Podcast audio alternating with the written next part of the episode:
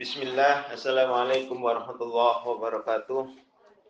Innal hamdalillah nahmaduhu wa nasta'inu wa nastaghfiruh wa na'udzu billahi min syururi anfusina wa min sayyiati a'malina may yahdihillahu fala mudhillalah wa may yudlil fala hadiyalah.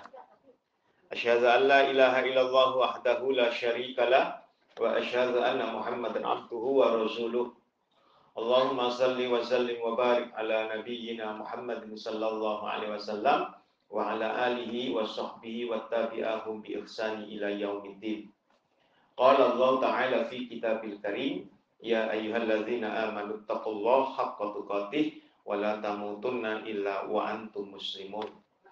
Ya ayuhan nasu taqu rabbakumul ladzi khalaqakum min nafsin wahidah wa khalaqa minha zawjaha وبث منهما رجالا كثيرا ونساء. واتقوا الله الذي تساءلون به والأرحام. إن الله كان عليكم رقيبا. يا أيها الذين آمنوا اتقوا الله وقولوا قولا سديدا. يصلح لكم أعمالكم ويغفر لكم ذنوبكم. ومن يطع الله ورسوله فقد فاز فوزا عظيما. أما بعد فإن أصدق الحديث كتاب الله. Hadyu Muhammadin sallallahu alaihi wasallam wa syarrul umuri muhdatsatuha wa kullu muhdatsatin bid'ah wa kullu bid'atin dolalah wa kullu dolalatin finnar. Akhwati fillah rahimani wa rahimakunna Allah. Alhamdulillah Allah memperjumpakan kita sekalian dalam keadaan sehat. Semoga saja Allah senantiasa memberikan kepada kita kesehatan beserta seluruh keluarga kita. Dan manakala ada yang diberi sakit, semoga saja Allah memberikan kesembuhan. Hari ini saya dan Anda dipertemukan oleh Allah di salah satu tempat yang diberkahi oleh Allah. Semoga saja pertemuan kita ini diberi keberkahan oleh Allah Subhanahu wa taala. Rabbana anzilna muzalam mubaraka wa anta khairul munzilin. Surat 23 ayat 29.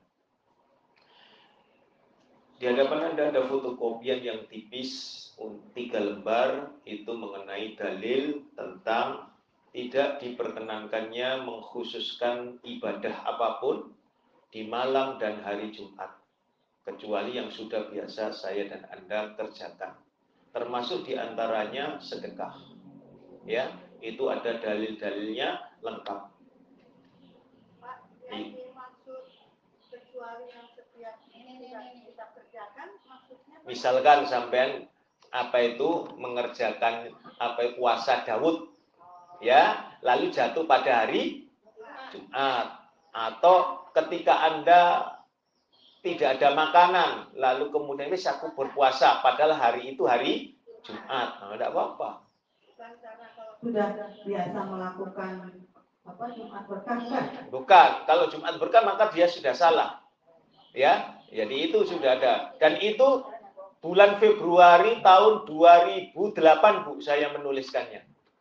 Jadi sudah lama sekali saya menuliskannya itu sudah lama sekali.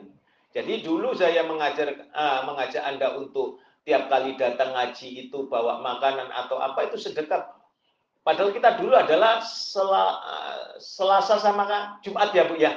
Nah, Selasa kita bersedekah Jumat bersedekah. Nah, kemudian ada yang mengartikan berbeda bahwa Jumat itu uh, bersedekah. Padahal semuanya termasuk Senin. Tiada hari tanpa bersedekah. Dalilnya kan ada dua malaikat ya. Begitu bangun tidur dua malaikat sudah mengucapkan ya rahmatilah orang yang bersedekah dan yang satu lagi uh, laknatlah orang yang tidak mau bersedekah. Nah, begitu. Jadi setiap hari saya dan Anda disunnahkan untuk bersedekah. Minimal apa? Dengan tasbih, dengan salat, dengan segala macam. Itu di antaranya bersedekah. Ya. Dan itu semuanya ditutup dengan hanya dua rakaat waktu duha. Ya, jadi bersedekah menjadikan hari-hari tanpa uh, tanpa sedekah. Nah, itu. Kalau mikir yang setiap habis sholat itu bukan termasuk sedekah. Itu bagian sedekah. Sedekah. Sholat sedekah, melayani suami sedekah, semuanya serba sedekah. yang yang baik-baik itu sedekah ya? Iya, yang baik-baik itu sedekah. Dan semua sedekah atau yang baik-baik ini menurut syariat adalah berbau uh, permohonan ampun kepada Allah Azza wa Jalla. Kalau sedekah waktu subuh katanya waktu, waktu subuh katanya gitu. Oh tidak. Hanya malaikat itu mendoakannya orang itu bangun tidur. Makanya kemudian saya dan Anda disunahkan membaca apa? Alhamdulillahilladzi ahyana ba'dana amatana wa ilaihin nusur. Itu sudah sedekah. Jadi kalau sudah waktu subuh itu bukan. bukan sampai sedekah diajak suami sudah sedekah subuh-subuh habis sholat subuh. Ya, itu bagian dari sedekah. Anda bikinkan teh, bikinkan kopi, ya kan? Bercengkrama ngobrol dengan suami, sedekah. Ya, sehat hari ini. Pada semalam masih tidur bersama satu anu ya, tetapi itu bagian dari sedekah. Menyapa demikian saja sudah sedekah. Jadi tiada hari di dalam Islam itu tanpa sedekah. Semuanya bernilai kebaikan. Ya, nah, itu.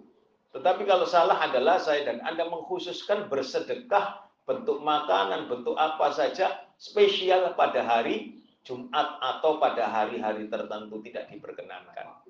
Iya, pada waktu-waktu tertentu. Kecuali yang sudah ditentukan apa?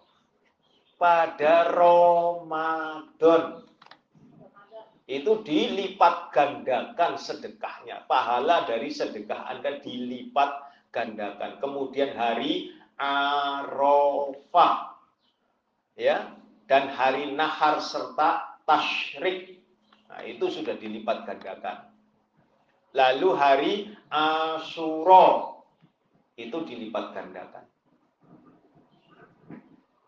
Ya, itu yang dilipat gandakan.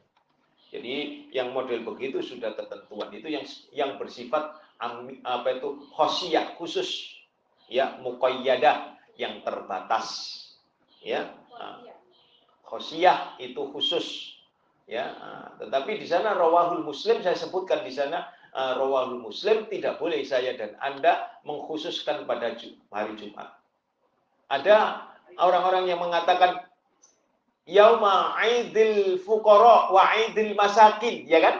Yaumul Jum'ah aidil fuqara wa aidil hadisnya dhaiful jiddan.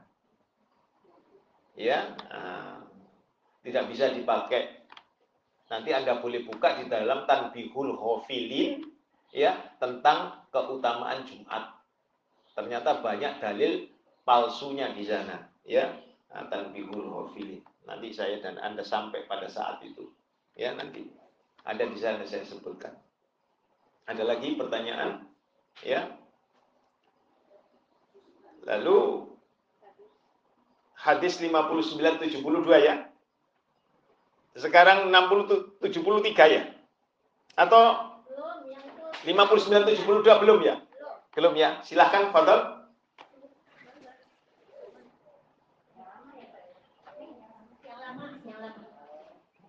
Bismillahirrahmanirrahim. Hadis nomor 59 72. Dari Abu Hurairah dia berkata, Rasulullah Shallallahu alaihi wasallam bersabda, Aku diperintahkan untuk memerangi manusia hingga mereka rela bersaksi bahwa tidak ada Tuhan kecuali Allah. Dan sesungguhnya aku adalah pesuruh Allah, menegakkan sholat dan menunaikan zakat. Iya, as-sahihah nomor hadisnya 407 ya. Ini ada mutafakun alaih. Itu ada di dalam Lu'lu' wal Marjan. Kitabul Iman ya, Lu'lu' wal Marjan itu sudah kita pernah baca. Perlu diketahui berdasarkan hadis ini ternyata saya dan Anda disuruh mendakwahkan la ilaha illallah Muhammadur Rasulullah. Itu saja kepada sesiapa saja, kepada sesama muslim bahkan ghairul muslim. Da dakwah kita cuma itu tok, la ilaha illallah Muhammadur Rasulullah. Itu saja, ya. Lalu baru setelah mereka menerima, baru saya dan Anda disuruh untuk mengajak mereka menegakkan sholat. Kalau sudah mereka menerima, maka menegakkan uh, zakat. Setelah menegakkan sholat, baru kemudian mengeluarkan zakat ya itu jadi memang apa la ilaha illallah jadi saya dan anda untuk berdakwah itu mengajak terus dan untuk menuju Allah itu banyak Jadi perang kita adalah memerangi syirik. Ya, yang pertama la ilaha illallah itu di dalam rangka memerangi syirik. Yang kedua, ya, sesungguhnya aku Rasulullah Muhammad sallallahu alaihi wasallam adalah pesuruh Allah. Itu artinya saya dan Anda untuk memerangi bid'ah dan juga memerangi istihsan. Jadi harus ittiba'ur rasul wala mubtadi'atul rasul. Ya, untuk mengikuti Rasul dan tidak menyelisihinya. Nah, itu. Hadis yang ke-60 73, silakan. Hadis ke-60 73 dari Muaz bin Jabal radhiyallahu anhu dia berkata Rasulullah Shallallahu alaihi wasallam bersabda Aku diperintahkan untuk memerangi manusia hingga mereka rela bersaksi bahwa tiada Tuhan kecuali Allah. Dan sesungguhnya aku adalah pesuruh Allah, menegakkan sholat dan menunaikan zakat. Sama ya dengan yang hadis di atas ya, hanya ini dari Mu'az bin Jabal. Jadi saya dan Anda harus gemar mengajak kepada kebaikan menurut Allah dan as-sunnah ya. Jadi menurut syariat bukan menurut pendapat orang, bukan menurut saya dan Anda, tetapi menurut Allah dan Rasulnya. Ya, Mu'allif yaitu Ibnu Majah ini memasukkan hal yang iman pada bagian akhir dari kitab iman ini kemudian disusul dengan takdir agar saya dan Anda endingnya itu dalam keadaan La ilaha illallah Muhammadur Rasulullah. Ya. Yang itu yang kita rebut. Kenapa demikian? Silahkan hadbab yang ke-10 tentang takdir ini juga terdapat di dalam hadis arba'in nomor hadisnya 4. Silahkan, Fadal. Bab ke-10 tentang takdir. Hadis 61 75 dari Abdullah bin Mas'ud dia berkata Rasulullah Shallallahu Alaihi Wasallam menceritakan kepada kami beliau adalah orang yang paling jujur dan terpercaya. Sesungguhnya beliau bersabda dikumpulkan penciptaan seseorang di antara kalian di dalam rahim ibunya selama 40 hari kemudian menjadi segumpal darah dalam masa yang sama. Lalu menjadi segumpal daging. Kemudian Allah mengutus seorang malaikat kepadanya yang diperintahkan untuk menyampaikan empat, empat kalimat. Allah berfirman, tulislah amalnya, ajalnya, rezekinya, serta celaka atau bahagianya. Demi zat yang jiwaku berada dalam genggaman tangannya. Sesungguhnya salah seorang di antara kalian ada yang beramal dengan amalan penghuni surga sehingga jarak antara dia dengan surga tinggal satu asta. Dan ini telah ditulis dalam catatannya. Kemudian ada orang di antara kalian yang beramal dengan amalan penghuni neraka maka dia akan masuk neraka. Orang di antara kalian ini beramal dengan amalan penghuni neraka, sehingga tidak ada jarak antara dia dengan neraka kecuali satu asta. Serta telah ditulis di dalam catatannya, kemudian dia beramal dengan amalan penghuni surga, maka dia akan masuk surga. Sahih. Iya. Dalam kitab Zilalul Jannah ya, nomor hadisnya 175 sampai 176 ya. Irwaul Khalil ya namanya Irwaul Khalil atau Al Irwa itu 2143. Ini semuanya karya daripada Syekh Al Albani rahimahullah taala. Inilah endingnya yang saya rebut. Jadi kita menasehati kepada saudara-saudara kita itu kan kita endingnya tidak tahu kapan. Betul tidak? Iya. Ada yang muda, ada yang masih remaja, ada yang sudah sepuh, ya kan? Nah itu kita ajak mereka. Bukan karena kita ini mengajak mereka karena benci, bukan. Karena rasa sayang kita.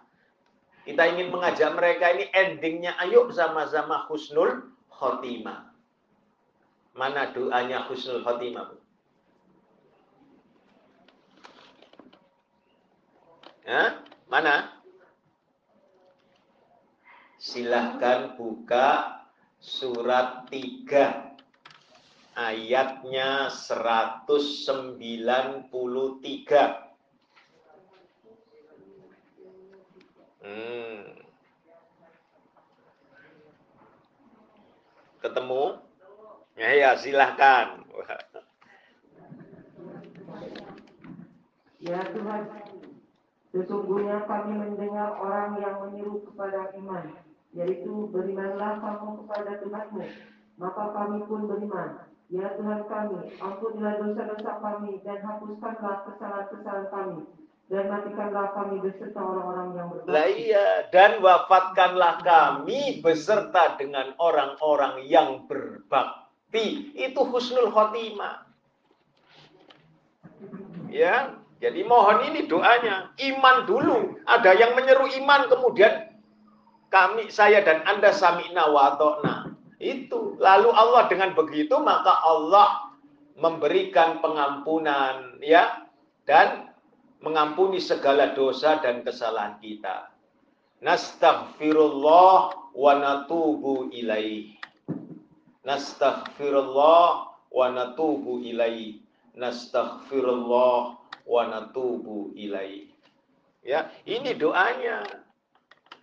Jadi kalau Anda membaca doa ini Rasulullah Shallallahu alaihi wasallam bangun tidur habis alhamdulillahilladzi ahyana ba'dana amatana wa ilaihin nusur lalu Rasulullah sallallahu alaihi wasallam berdoa di dalam surat ini mulai ayat 191 bagian terakhir sampai dengan ayat 194 Ya, Rabbana ma khalaqta hadza batilan subhanaka dengan yang sampai 194. baru empat. Iya, sa- sampai 194. Ya, dilakukannya itu bangun tidur Pak. iya. Rasulullah sallallahu alaihi wasallam. Iya, ya. Di mana Rasulullah sallallahu alaihi wasallam ketika berdoa ini menangis. Ya. Kenapa demikian? Kalau Anda dan saya melihat asbabul wurudnya ayat ini mulai dari uh, surat 3 ayat 190 sampai dengan surat 3 ayat 195 asbabul wurudnya adalah orang Quraisy itu mendatangi orang-orang Yahudi. Lalu bertanya apa yang dibawa oleh rasulmu? Mukjizat apa yang dibawa oleh rasulmu? Lalu kemudian mereka orang Yahudi mengatakan tongkatnya Musa dan tangannya Musa yang bisa bercahaya. Lalu kemudian mereka mendatangi kaum Nasrani. Apa yang dibawa oleh Rasulmu? Mereka mengatakan, Rasulku bisa menghidupkan orang yang telah mati dan menyembuhkan orang yang buta, di mana butanya itu mulai sejak lahir. Lalu mereka mendatangi Rasulullah Muhammad Wasallam karena Rasul tidak mempunyai mukjizat apa-apa mereka ya Muhammad jadikan gunung sofa itu emas. Lalu Rasulullah Sallallahu Alaihi Wasallam berdoa kepada Allah. Lalu turun ayat ini agar manusia ini mempelajari atau mengingat kejadian ya tentang alam semesta alam ini. Ayat ini kemudian diberitakan kepada orang-orang Quraisy yang meminta jadi emas, mereka terlongong-longong. Melongo katanya orang Jawa. Ya, saking tak tak takjubnya. Dan ketika Rasul membacakan doa ini Rasulullah Shallallahu Alaihi Wasallam bergetar sambil menangis. Nah, sejak itu perhatikan betul-betul kalau kita membahasnya satu persatu apa pun yang menimpa Anda dan saya sakit ya kesusahan kita segala macam mesti ada hikmah di balik itu makanya kemudian Rabbana ma khalaqta hadza batilan subhanaka fakina adzabannar. Apa yang Allah ciptakan itu tidak ada satupun yang sia-sia. Termasuk rasa sakit hati kita atau badan kita yang mengenai diri kita, susahnya kita, Allah hendak menggugurkan dosa-dosa kita. Ya, inilah kemudian ketika Rasulullah SAW ketika memandang langit anda pernah memandang langit ya? Nah, malam hari atau pada siang hari ketika Anda melihat awan berarak. Rasulullah Wasallam berdoa dengan ini, Rabbana ma khalaqta hadza batilan subhanaka faqina adzabannar. Ya, nah itu Makanya kemudian mohon maaf, mari saya dan Anda berdasarkan hadis yang barusan kita baca. Mari saya dan Anda mengajak kawan-kawan kita, teman-teman kita, walaupun mereka sudah tidak lagi mau ngaji, tetap diajakin. Mohon maaf, karena kita rasa sayang kita. Karena semua teman-teman karib kita akan saling bermusuhan yang kita anggap teman karib kita akan saling bermusuhan dengan kita. Kelak nanti di yaumil kiamah. Kecuali orang-orang yang di dalam ketakwaan. Surat 43 ayatnya 67.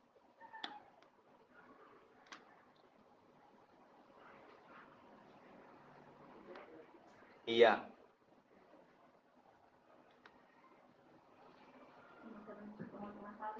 Iya, lihat itu ya. Saya baca silakan. Teman-teman tarik pada hari itu saling bermusuhan satu sama lain. Kecuali orang-orang yang bertakwa. Lah, ya tem semua teman sekarang plek ke mana-mana dengan dia, ke mana-mana saking baiknya sudah. Ya, sama-sama kayanya, sama-sama teman, sama-sama sosialitanya sampai kiamat nanti saya dan Anda akan bermusuhan dengan dia. Kecuali jika teman kita itu sejalan dengan ketakwaan.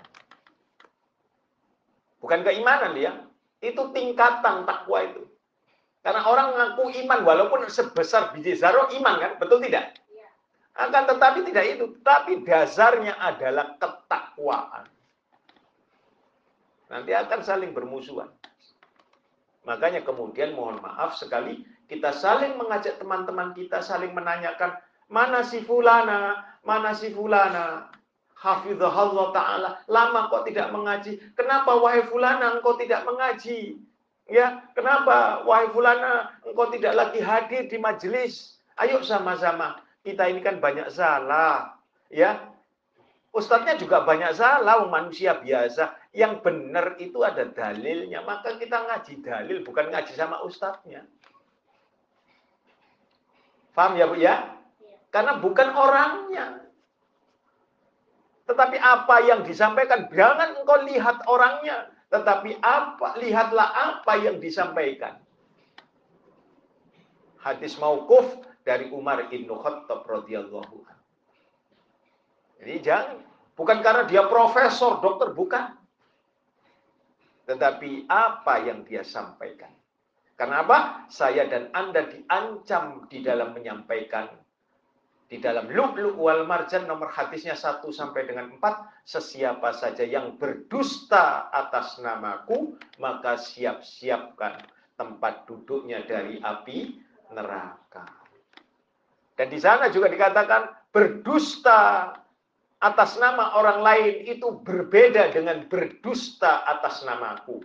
Sampai berdusta atas jualan Anda, berdusta untuk keluarga, berdusta untuk yang tetapi tidak mengatasnamakan agama, maka itu berbeda nilainya daripada berdusta atas nama agama. Jika saya dan Anda berdusta atas nama agama, maka mohon maaf, Anda dan saya akan menanggung dosa kita sepenuhnya dan dosa orang-orang yang telah kita dustai tanpa mereka tahu bahwa mereka telah kita dustai. Surat 16 ayatnya 25.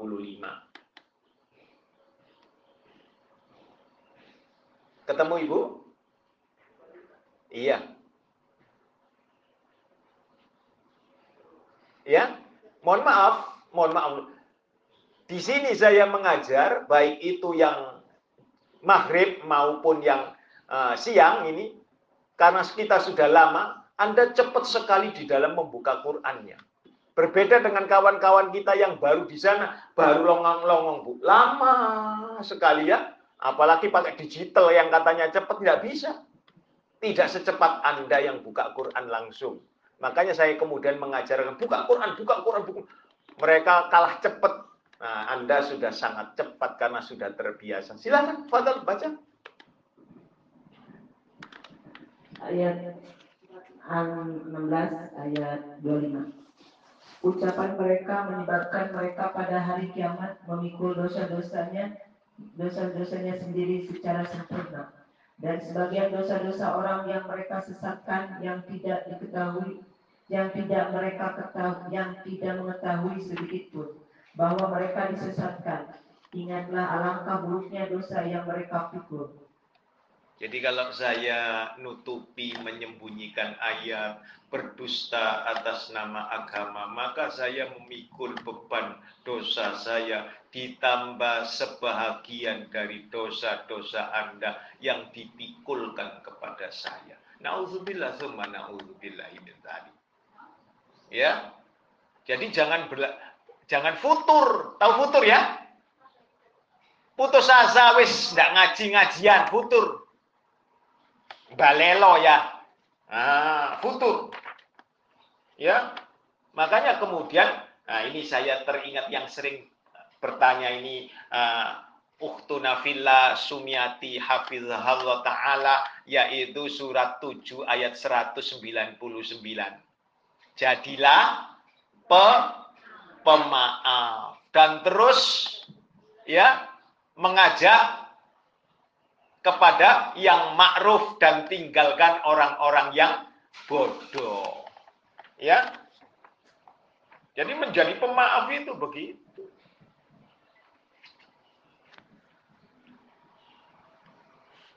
Mohon maaf, agama ini nasihat, betul tidak? Ya. Sebenarnya saya menyampaikan ini untuk menasehati diri.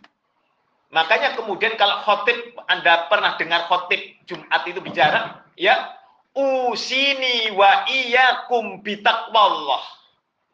Ya, atau dibalik, usikum wa iyaya bitaqwallah. Aku wasiatkan kepada diri pribadiku dan juga mengajak kepada kalian.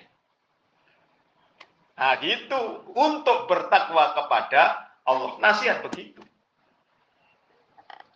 Tidak boleh seorang khotib mengatakan usikum bitaqwallah tanpa menengok dirinya. Tidak boleh. Istighfar saja harus mendahulukan diri kita baru kepada orang lain. Ya kan? Rabbighfirli wali walidayya warhamhuma kama rabbayani sohiro. Kepada diri pribadi dulu baru kepada orang lain yaitu ayah bunda kita. Rabbana firli wali walidayya walil mu'minina yauma yakumul hisab. Diri pribadi.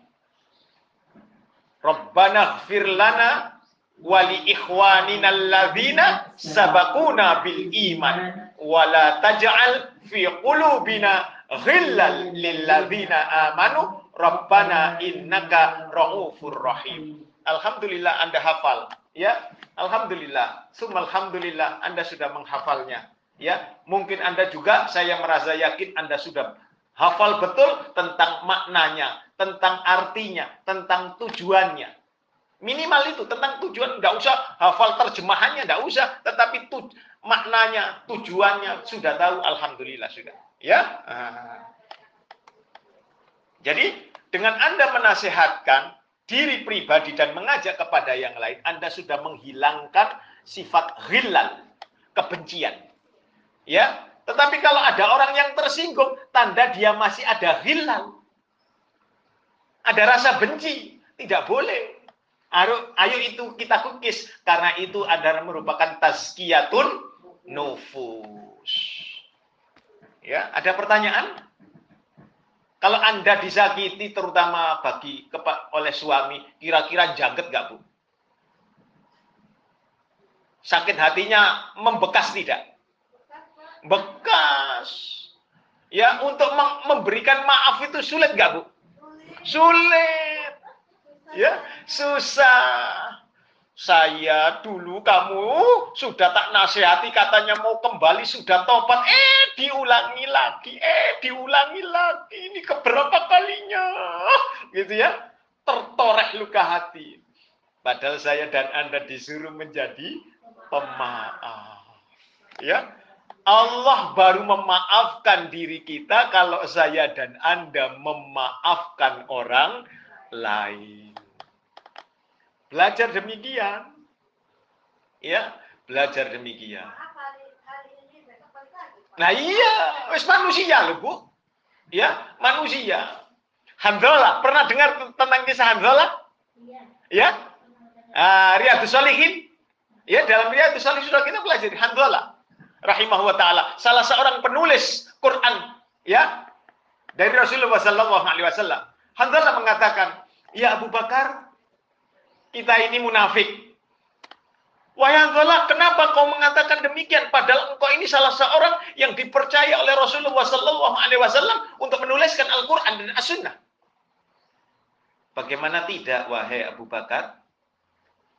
Ketika aku ngaji bersama kalian, duduk bersama kalian, aku ingat tentang surga dan neraka. Ingat akan dosa-dosaku. Akan tetapi ketika aku pulang kepada keluargaku, bercengkrama dengan keluargaku, aku lupa semuanya. Ketika aku berniaga untuk bekerja, maka aku lupa semuanya itu. Kalau begitu, sama. Katanya Abu Bakar begitu. Ayo kita lapor kepada Rasul. Mereka datang kepada Rasul. Setelah mengucapkan salam, lalu mereka mengatakan, Ya Rasul, sesungguhnya kami berdua ini orang munafik. Loh, kok bisa demikian? Kemudian diceritakan hal yang sama. Apa jawab Nabi sambil tersenyum? Fadkurullah. Maka ingatlah kalian itu kepada Allah. Ya, sesaat. Sa'ah. As-sa'ah. As-sa'ah. Sesaat. Sesaat. Sesaat. Ketika ingat. Faham ya Bu ya? Nah, itu karena sudah sifatnya manusia dilalaikan oleh setan.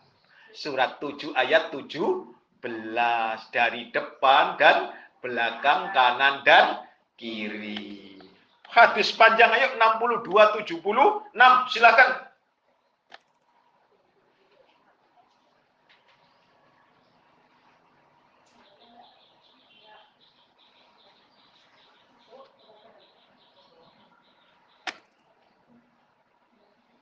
Hadis 62 ke 76 dari Ibnu Ad-Dailami dia berkata terbesit dalam hatiku perasaan sanksi terhadap takdir.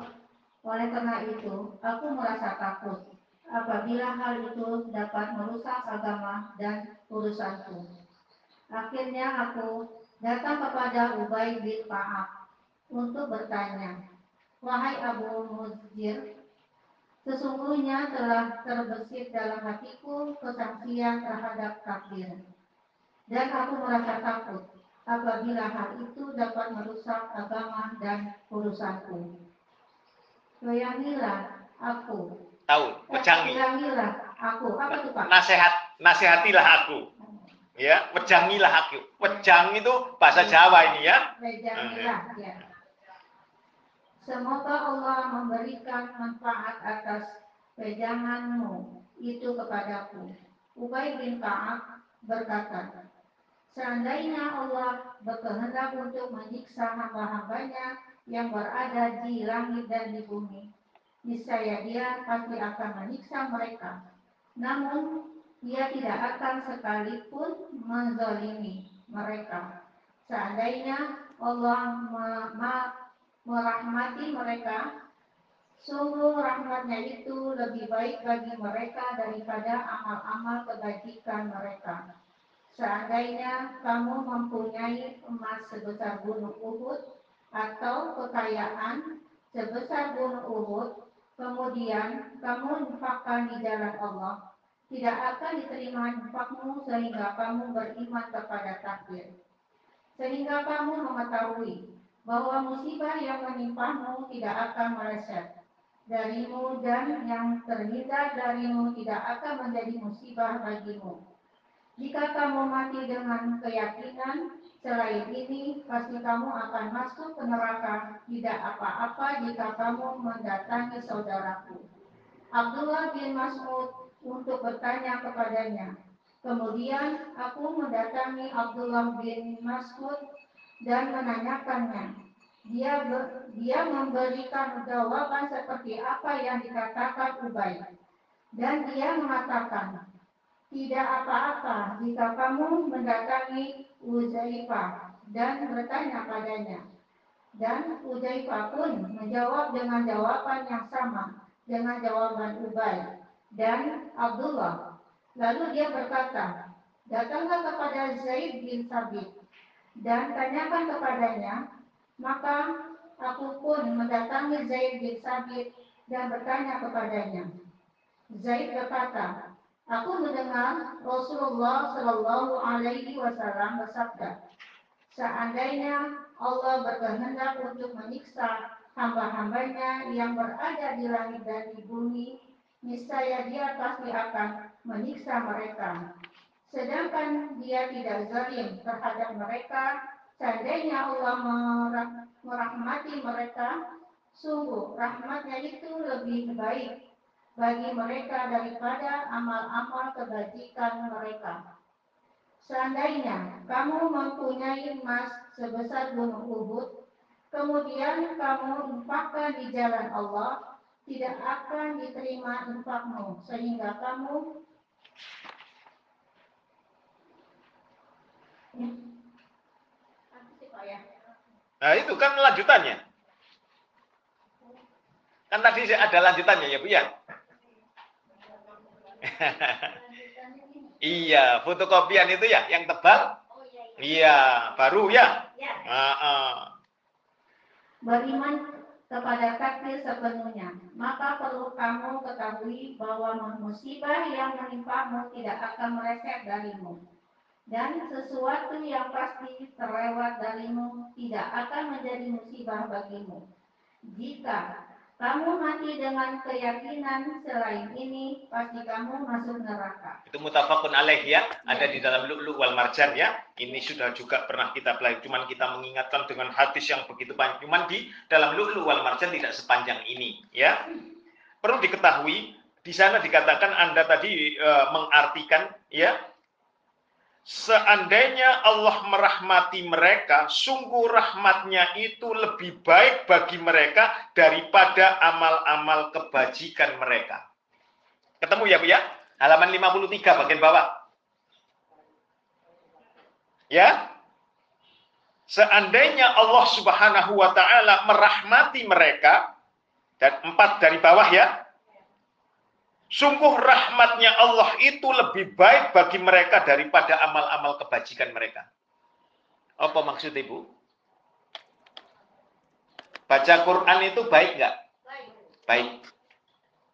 Ya, Anda boleh buka di dalam surat 7 ayat 204.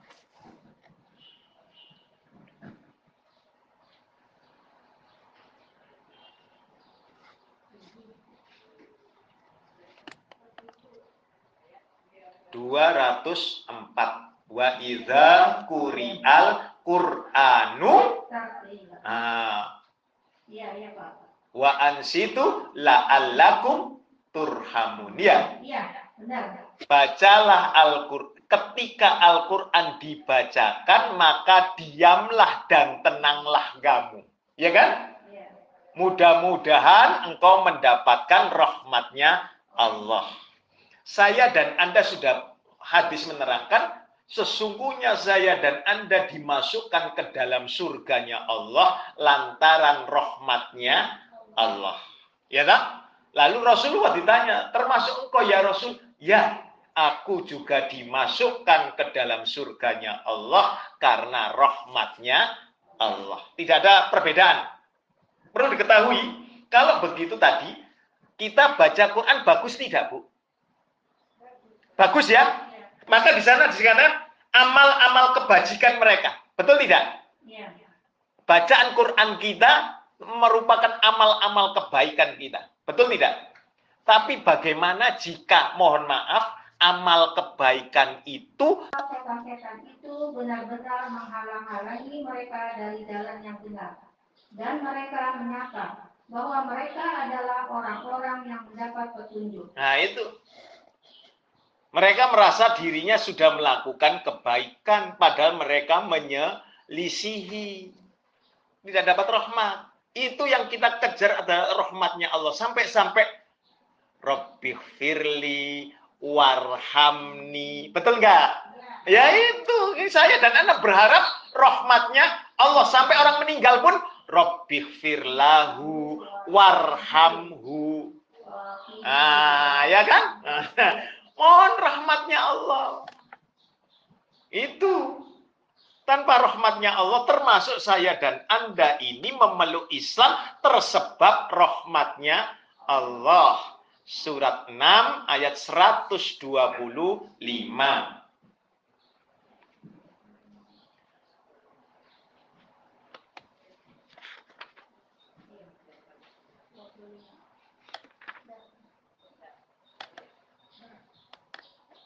Surat 6 ayat 100. Barang siapa dikehendaki Allah akan mendapat hidayah atau petunjuk. Dia akan membukakan dadanya untuk menerima Islam. Dan barang siapa dikehendakinya menjadi sesat, dia jadikan dadanya sempit dan sesak. Seakan-akan dia sedang mendaki ke langit. Demikianlah Allah menimpakan siksa kepada orang-orang yang tidak beriman. Jadi Anda menerima Islam saja sudah alhamdulillah. Saya dan Anda akan dimasukkan oleh Allah ke dalam surganya Allah walaupun iman itu sebesar biji zarroh. Jadi masalahnya karena iman itu yang menilai Allah, jangan merasa punya iman. Gitu ya. Tetapi tugas saya dan Anda adalah mempertebal iman dengan ketaatan-ketaatan. Itu saja. Karena takdir ini Allah yang sudah tentukan. Semoga saja saya dan Anda diberikan kesehatan oleh Allah dan kelapangan keluasan rezeki oleh Allah. Sehingga saya dan Anda bisa berumroh, ya, berziarah ke Mekah dan Madinah berulang-ulang. Supaya apa di antaranya mohon maaf, mohon maaf sekali kalau Anda dan saya nanti datang ke sana, Anda biasanya diajak ke Uhud. Ya kan? Karena ada makamnya Hamzah ya, ziarah ke Uhud kan? Ingatlah tanah yang Anda pijak di Uhud itu. Anda lihat gunung Uhud yang cukup besar itu ya, dekat Jabal Mahnet ya. Gunung Uhud itu adalah satu-satunya gunung yang nanti masuk ke dalam surga. Ya, Gunung Uhud itu satu-satunya gunung yang masuk ke dalam surganya Allah. Jadi nanti Anda dan saya kalau sudah lihat Gunung Uhud, ingatlah Anda akan seolah-olah melihat Uhud ini di surganya Allah. Jadi seolah-olah Anda dimasukkan oleh Allah ke dalam surganya Allah. Allahumma inna nas'alukal jannah. Allahumma inna nas'alukal jannah. Allahumma inna nas'alukal jannah. Ada pertanyaan? Apakah itu Pak Gunung Uhud itu menjadi saksi Pak? Sebagai saksi dan juga menjadi bentuk daripada kecintaan Allah atas gunung Uhud. Maka semuanya dipakai Uhud. Apa Ya. karena itu perang Uhud itu para sahabat yang ini Rasulullah itu Tidak, bukan karena ada sahabat tetap masuk paman Nabi, bukan. Tetapi Rasulullah berdasarkan hadis ini selalu di- dimasukkan Gunung Uhud, Gunung Uhud, ya kan? iya Makanya kemudian Uhud inilah yang salah satunya gunung yang dimasukkan oleh Allah ke dalam surga. Kalau Arafah, mahsyar. Betul tidak? iya sama siapa Mahsyar kan? Tinggi mana mahsyar sama surga? Surga. Karena mahsyar tempat berkumpul. Betul tidak? Iya. Kalau Uhud sudah Anda di surganya Allah. Maka tinggi kedudukannya. Anda uh, takziah, ada orang meninggal. Dapat satu kirot, dua kirot. Betul tidak? Pernah dengar satu kirot, dua kirot? Kalau sampai mensolatkan dapat satu kirot. Sampai ikut menguburkan dua kirot. iya Berapa besarnya satu kirot? Ya Rasulullah, sebesar gunung Ah, gitu ya. Gunung Uhud, Jabal Uhud. Ah, kenapa kok tidak Sofa dan Marwah? Tidak Uhud. Gitu ya. Ah, ada lagi pertanyaan? Ah, kalau tidak, maka sampai pada tafsir Al-Quran. Betul? Tidak ada pertanyaan? Ah. Surat berapa? Surat 2 ayat berapa? 100 berapa?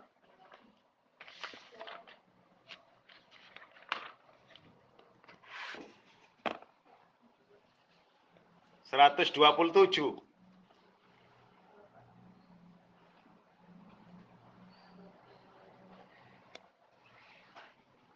Rabbana taqabbal minna ya. 128.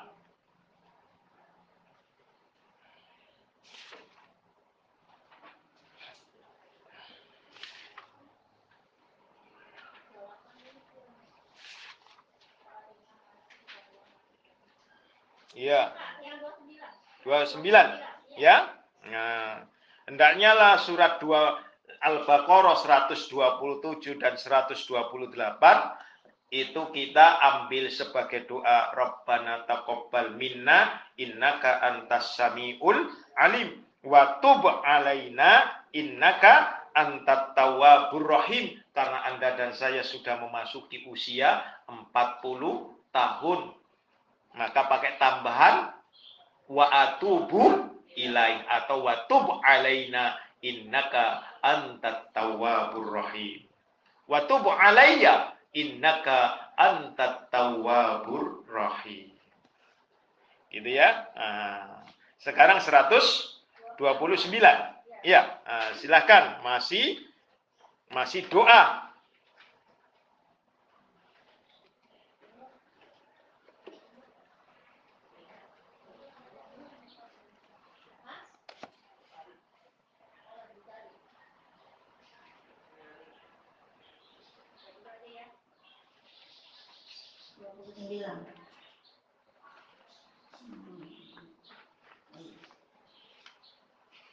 أعوذ بالله من الشيطان الرجيم.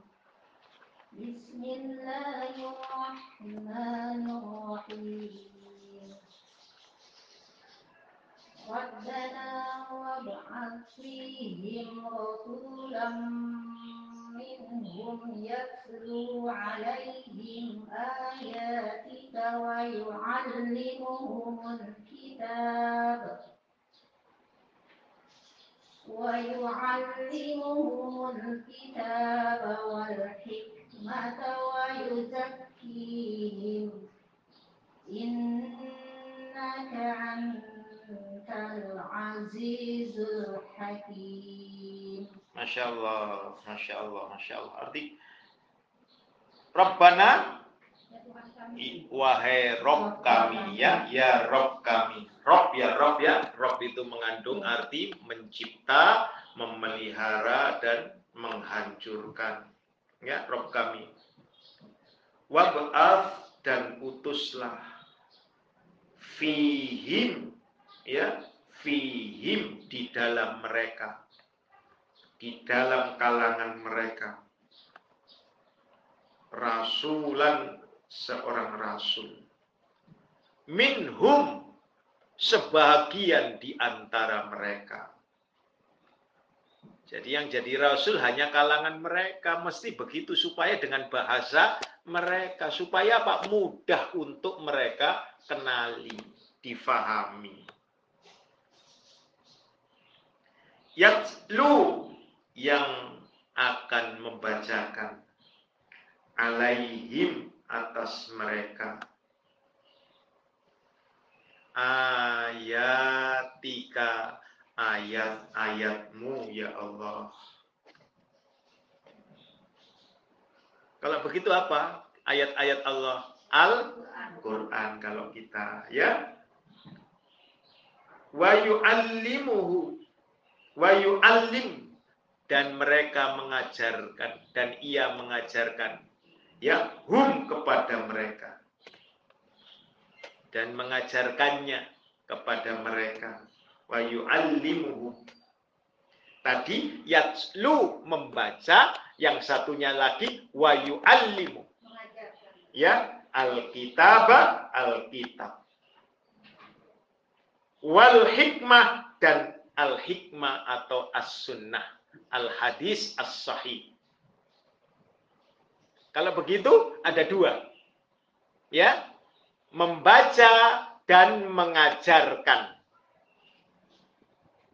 mengajarkan tidak selalu mengajarkan kepada uh, orang di luar keluarga. Boleh jadi kepada anak kita, cucu kita mengajar. Mengajar. Sama dengan Anda mengajarkan sopan santun kepada anak-anak kita, cucu kita. Betul tidak mulai kecil? Iya. Demikian pula Al-Quran. Jadi ada yatslu dan wayu'allim. Ya, dan mengajarkan. Itu menjadi satu kesatuan. Lalu Alkitab wal hikmah. Al-Quran dan As-Sunnah. Surat 33 ayat 34. Ya. Dengan membaca dan mengajarkan baik itu Al-Quran dan As-Sunnah untuk apa? Wa yuzakkihim untuk mensucikan mereka. Tazkiyatun nufus. Maka kata zakat itu mensucikan. Apa yang disucikan? Harta. Ya. Wa'atuz zakat. Dan menunaikan pensucian. Apa yang disucikan? Harta. Kalau harta sudah disucikan, maka jiwanya juga disucikan. Maka disebutnya tazkiyatun nufus. Innaka sesungguhnya engkau Allah, anta engkau Allah untuk menguatkan ya. Al-Aziz, Maha Perkasa, Al-Hakim, maha bijaksana. Hakim itu harus bijaksana.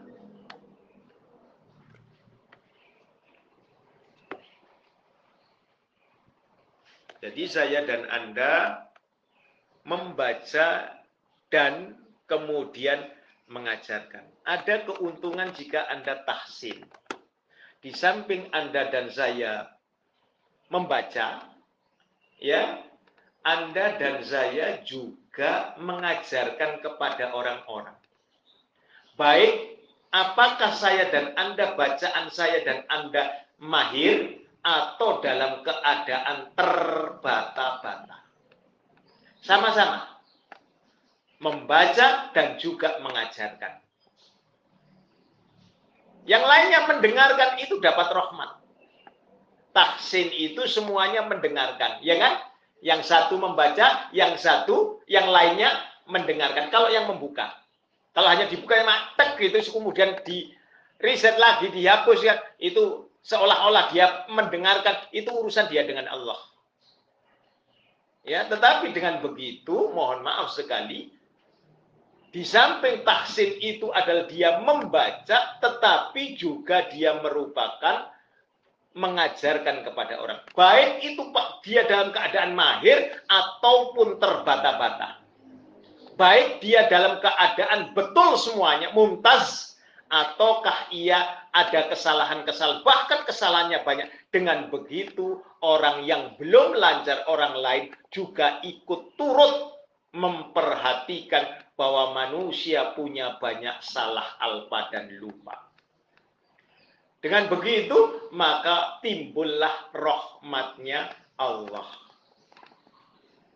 Ya, itu yang terpenting. Jadi amal saya dan Anda walaupun baiknya kayak apa tetapi tidak mendapatkan rahmatnya Allah ya percuma. Ya, jadi Anda dan saya harus mencari amal kebajikan yang menimbulkan rahmatnya Allah. Gitu ya. Ada pertanyaan? Iya. Iya, betul. Bersifat kolbu. Makanya tadi hubungannya dengan tazkiyatun nufus. Ya, dengan hati. Ya. Nah, ada lagi. Maka perhatikan betul pada ayat ini, lihat itu surat 25 ayatnya 43.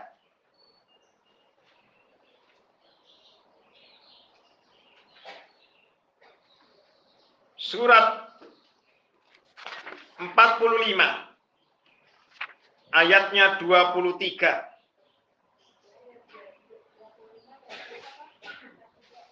Dua puluh tiga, surat 45 ayatnya 23.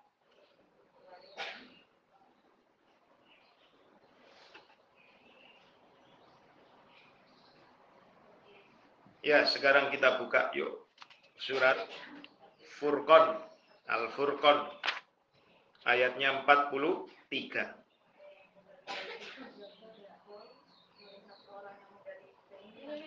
Iya.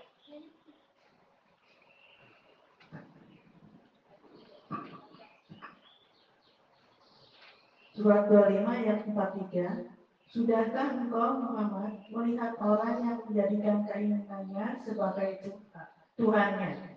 Apakah engkau akan menjadi pelindungnya? Ya, perhatikan betul-betul.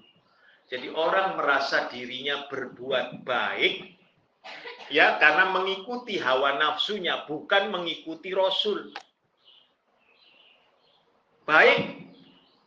Ya, banyak orang yang merasa istihsan saya kan sudah berbuat baik. Ya, saya ini tidak pernah nyakiti orang loh, saya ini baik loh. Selalu begitu. Tidak ada orang yang merasa dirinya buruk. Ya, jangan merasa suci. Tidak boleh orang merasa suci. Ya. Makanya Rasul sendiri kalau sholat berwudu. Bersuci karena merasa dirinya belum suci. Walaupun Allah sudah mensucikan, biarkan Allah sajalah yang mensucikan kita. Makanya kemudian kalau Anda dan saya membuka kitab Tanbihul Hofili, mohon maaf sekali, ya, ada kalanya seperti pandemi ini orang takut pandemi apakah tadi jasadnya dimandikan atau tidak. Betul tidak? Ya. Maka kalau Anda dan saya iman, maka yang mensucikan, yang memandikan kita adalah malaikat. Malaikat. Yang mengkafani kita adalah malaikat. Termasuk peristiwa Sriwijaya Airlines, ya, Lion yang tidak ketemu-ketemu mereka ini. Kalau mereka iman, takwa, dasarnya takwa, maka disucikan, dimandikan oleh malaikat dengan air yang mewangi segala macam. Kain kafannya berbau kesturi. Walaupun mohon maaf secara wadah kenyataannya tidak dimandikan dan tidak pula dikafani. Betul tidak? Jadi Anda dan saya, bagaimana orang yang dibunuh kemudian tidak ketahuan kapan dikafaninya, kapan disolatkannya, kapan apa itu dimandikannya? Tidak.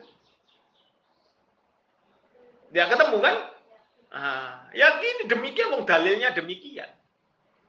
Maka bagaimana orang itu menjadikan hawa nafsunya kayak kan saya berbuat baik tadi surat 18 ayat 103 dan 104 merasa berbuat baik tetapi sia-sia amalnya. Betul tidak?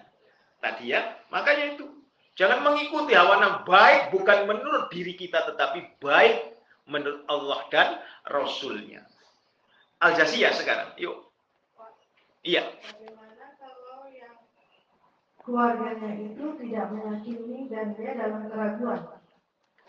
Was-was itu penyakit hati. Wa min syaril waswasil khannas. Makanya saya dan Anda kalau pada sholat fardu disunahkan di dalam zikir itu dengan membaca trikul.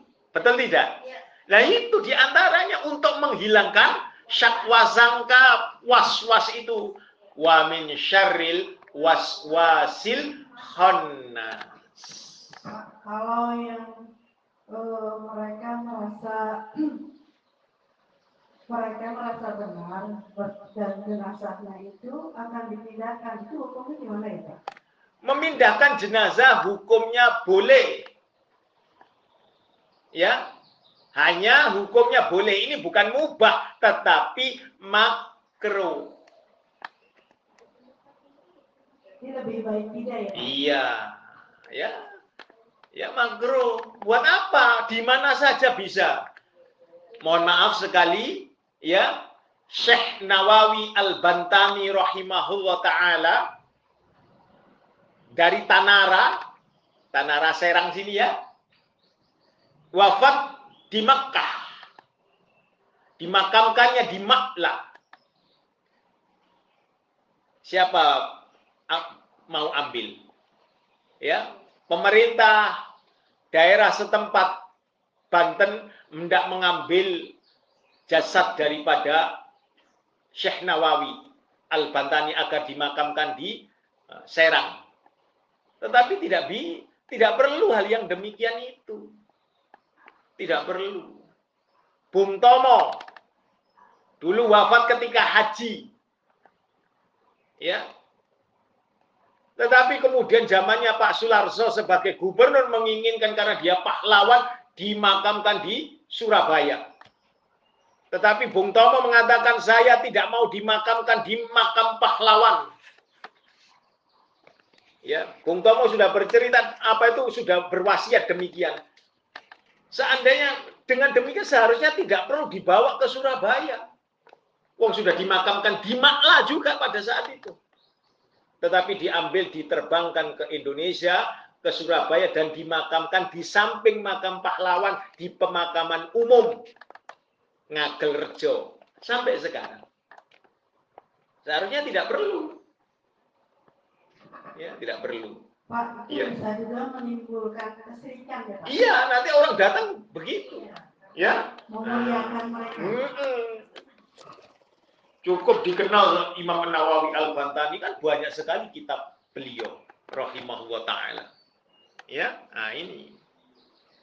Lalu silakan membuka tadi surat Al-Jaziyah. Ya, ayatnya 23. Dan demikian juga ketika kami mengutus seorang pemberi peringatan sebelum engkau Muhammad dalam suatu negeri. Orang-orang yang hidup mewah di negeri itu selalu berkata. Dua tiga. Ini dua tiga.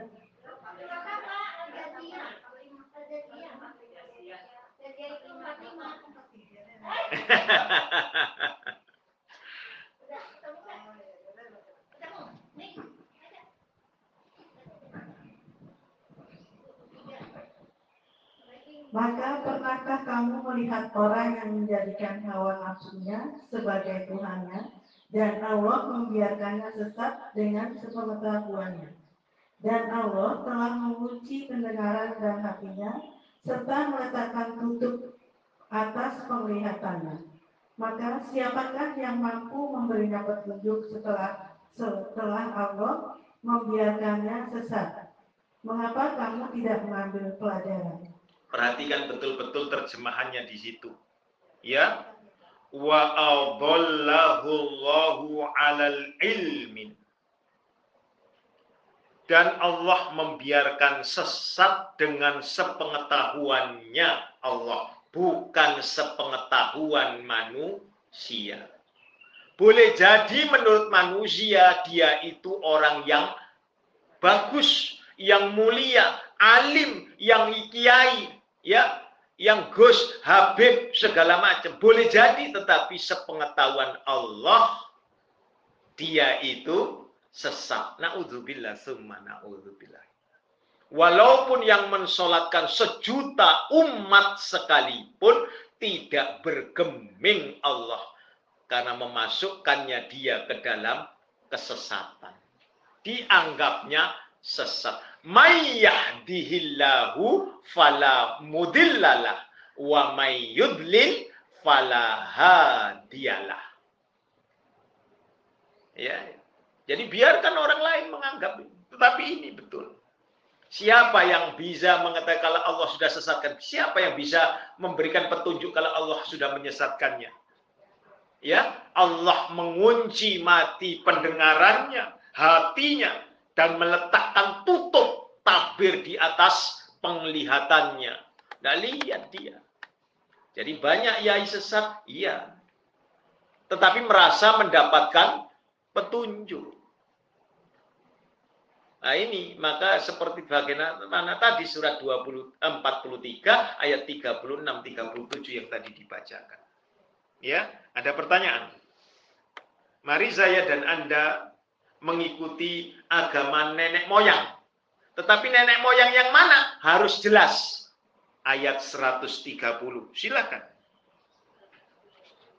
Surat 2 ya. Neruskan tadi ya. Nah.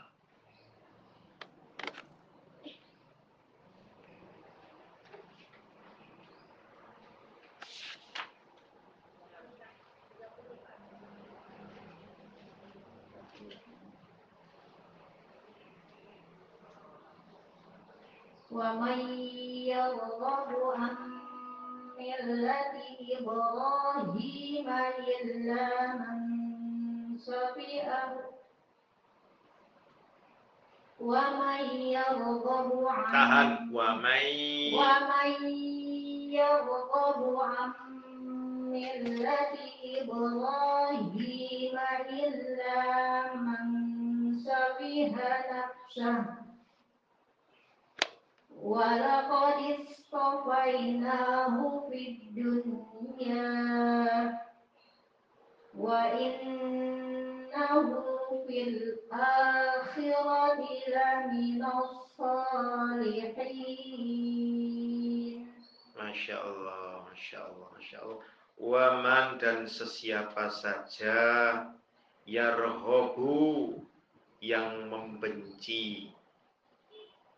ya dan sesiapa yang membenci an dari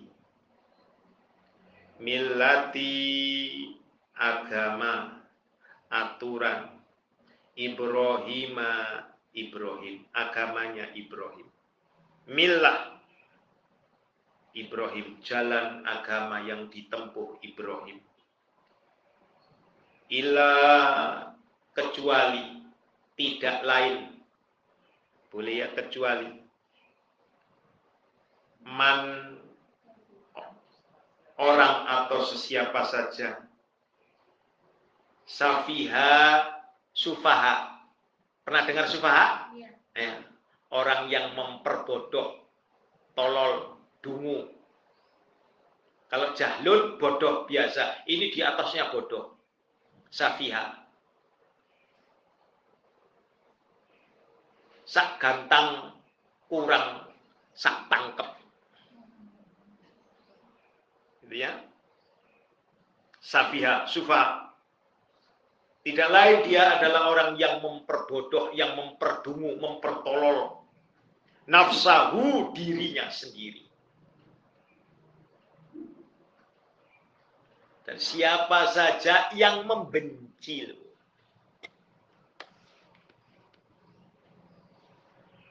rohobu yang membenci, yang tidak suka.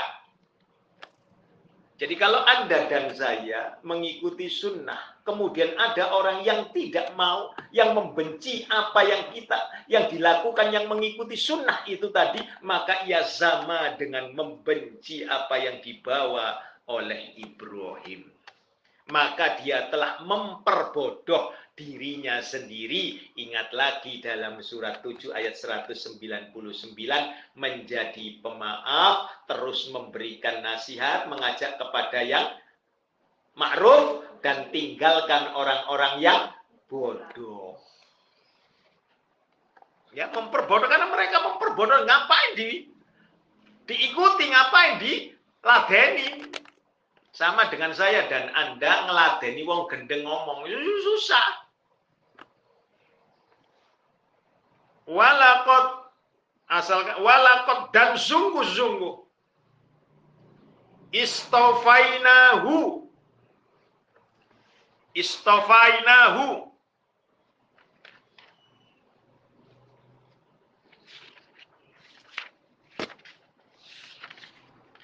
istofainahu itu berarti aku memilihnya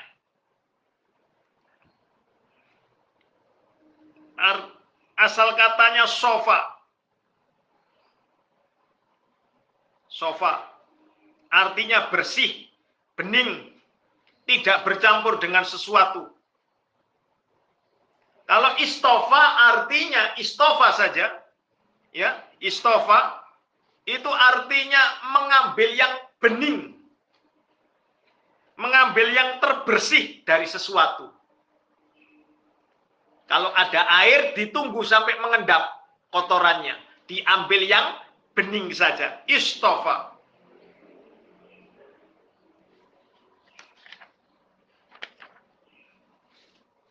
Istofa.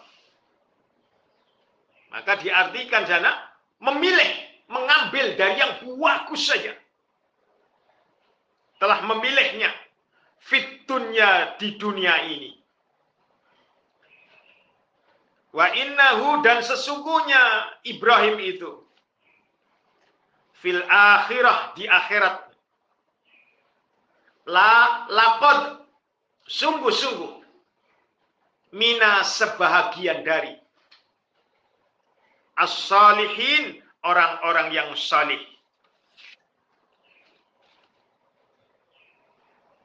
Kalau demikian maka saya dan Anda disuruh mengikuti agamanya Ibrahim. Makanya setiap sholat, saya dan Anda mesti tahiyat, mesti membaca sholawat Ibrahimia. Betul tidak? Tidak boleh yang lain. Maka saya dan Anda suruh mengikuti agamanya Rasulullah Muhammad yang juga merupakan agamanya kakek moyangnya yaitu Ibrahim. Surat 22 ayat 78 surat 3 ayat 95. 2278 395 16 surat 16 ayat 123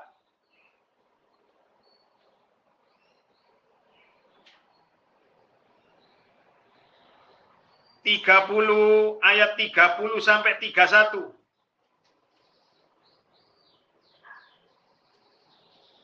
Surat 3 ayat 67. Surat 4 ayat 125. Surat 16 ayat 120. Jadi saya dan Anda kan rata-rata ngomong saya mengikuti agak nenek moyang kita kan gitu ya. Harus diperjelas nenek moyangmu siapa? Harus Ibrahim. Ya, Ibrahim. Mari saya dan Anda membuka surat Al-Hajj ayatnya 78.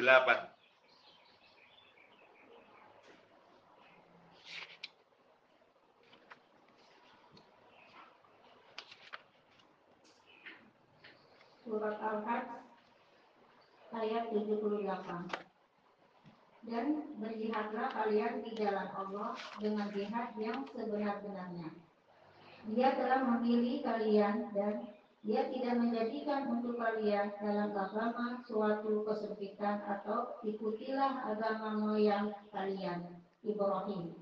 Dia, dia atau Allah telah menanam menamai kalian orang-orang muslim sejak dahulu. Dan begitu pula dalam Al-Quran ini, supaya Rasul itu menjadi saksi atas diri kalian dan supaya kalian menjadi saksi atas segenap manusia. Maka dirikanlah sholat, tunaikanlah zakat, dan berpeganglah kalian pada tali Allah. Dia adalah pelindung kalian maka dialah sebaik-baik pelindung dan sebaik-baik penolong. Perhatikan betul milata abikum Ibrahim. Ikutilah agama bapak kalian atau nenek moyang kalian Ibrahim. Disebutkan. Yang disebut nenek moyang kita harus Ibrahim. Ya. Huwa dia Allah sama kumul muslimin memberi nama kepada kalian itu sejak dahulu yaitu muslim qablu sebelum wafi dan di dalam hadza ini Al-Qur'an muslim ya lalu Anda dan saya tadi Ali, uh, Ali Imronnya 95 sama 67 ya tadi Ali Imronnya 95 sama 67 kan? Ya, buka 67 dulu supaya urut. Yuk. 67.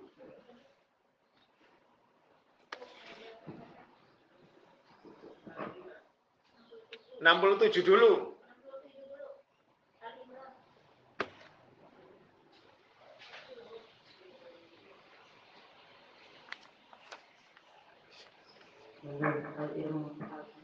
ayat 67. Ibrahim bukanlah seorang Yahudi dan bukan pula seorang Nasrani, tetapi dia adalah seorang yang lurus, Muslim dan dia tidaklah termasuk orang-orang musyrik. Nah itu. Maka na Ibrahim Yahudi walan Nasrani Bukan Yahudi dan walakin akan tetapi karena adalah ia hanifam musliman yang lurus lagi muslim yang berserah diri. Ya, dan bukan orang yang dan orang yang berserah diri hanif dan berserah diri itu terbebas dari syirik. Syaratnya begitu. Ayo ayat 95 sekarang. Pada 95. Katakanlah Muhammad, benarlah segala yang difirmankan Allah, maka ikutilah agama Ibrahim yang lurus dan dia tidaklah termasuk orang musyrik. Millata Ibrahim Hanifa. Ya. Millata Ibrahim Hanifa. Itu agamanya Ibrahim. Ayo buka lagi surat An-Nisa supaya urut ya. Surat 4 ayat berapa tadi? Nah, 125 supaya lebih jelas lagi. Makanya saya dan anak kenapa? Oh, ada soalnya mohon maaf ya. Tahiyat akhir ini atau pada tahiyat itu diganti dengan berbagai macam solawat. Yang penting solawat Nabi katanya begitu. Ada yang pakai solawat naria. Tidak boleh harus sesuai syariat. Yaitu apa syariat? Solawat Ibrahimiyah. Harus itu. Di tempat beberapa tempat yang torikot ini mengganti yang terpenting selawat Nabi katanya demi tidak demikian. Silakan ayat 125. 125.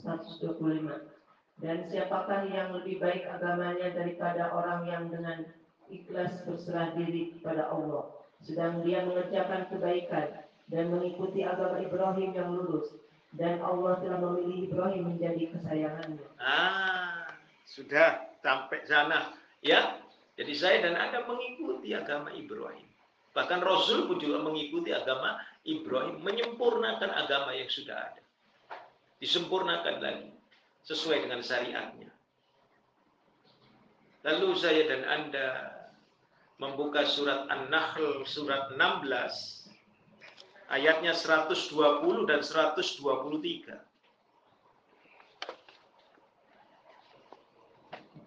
Ketemu? 120.